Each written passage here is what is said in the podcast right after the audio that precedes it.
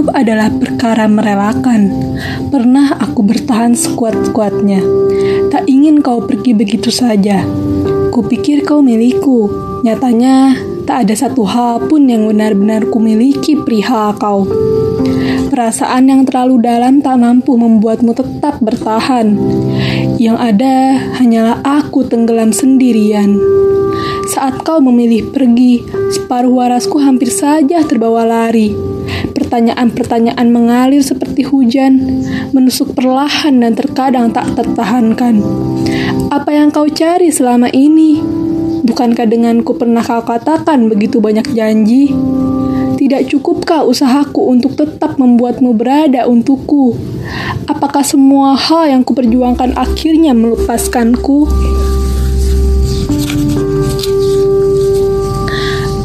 Berkali-kali berada di titik terburuk untuk urusan perasaan.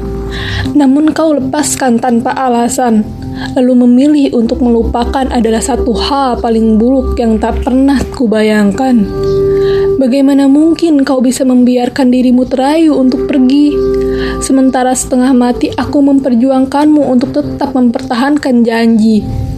Kau datang dengan segala hal yang mengejutkan, mengapa tiba-tiba memilih hilang dan menimbulkan ketakutan. Setelah hari-hari yang sedih berlalu, bulan-bulan pahit memulihkan diriku. Aku menyadari satu hal yang bukan untukku, sekeras apa pun kupaksakan, tetap saja tak akan menjadi milikku. Yang kuperjuangkan sekuat usahaku, jika kau tak memperjuangkanku sepenuh hatimu, tetap saja kita akan berlalu. Ada satu cinta yang bisa diperjuangkan sendirian. Sekuat apa pun berdiri tetap saja akan terkalahkan.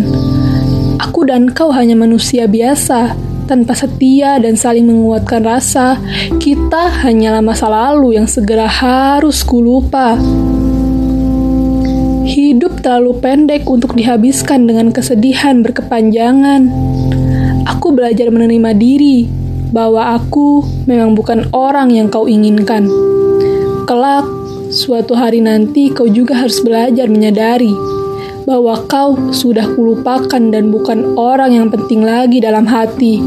Setiap hati yang dilepaskan akhirnya harus belajar mengikhlaskan. Ikhlas menerima kepergian, juga menerima hati baru yang bersedia saling mengisi dan tumbuh bersama kemudian.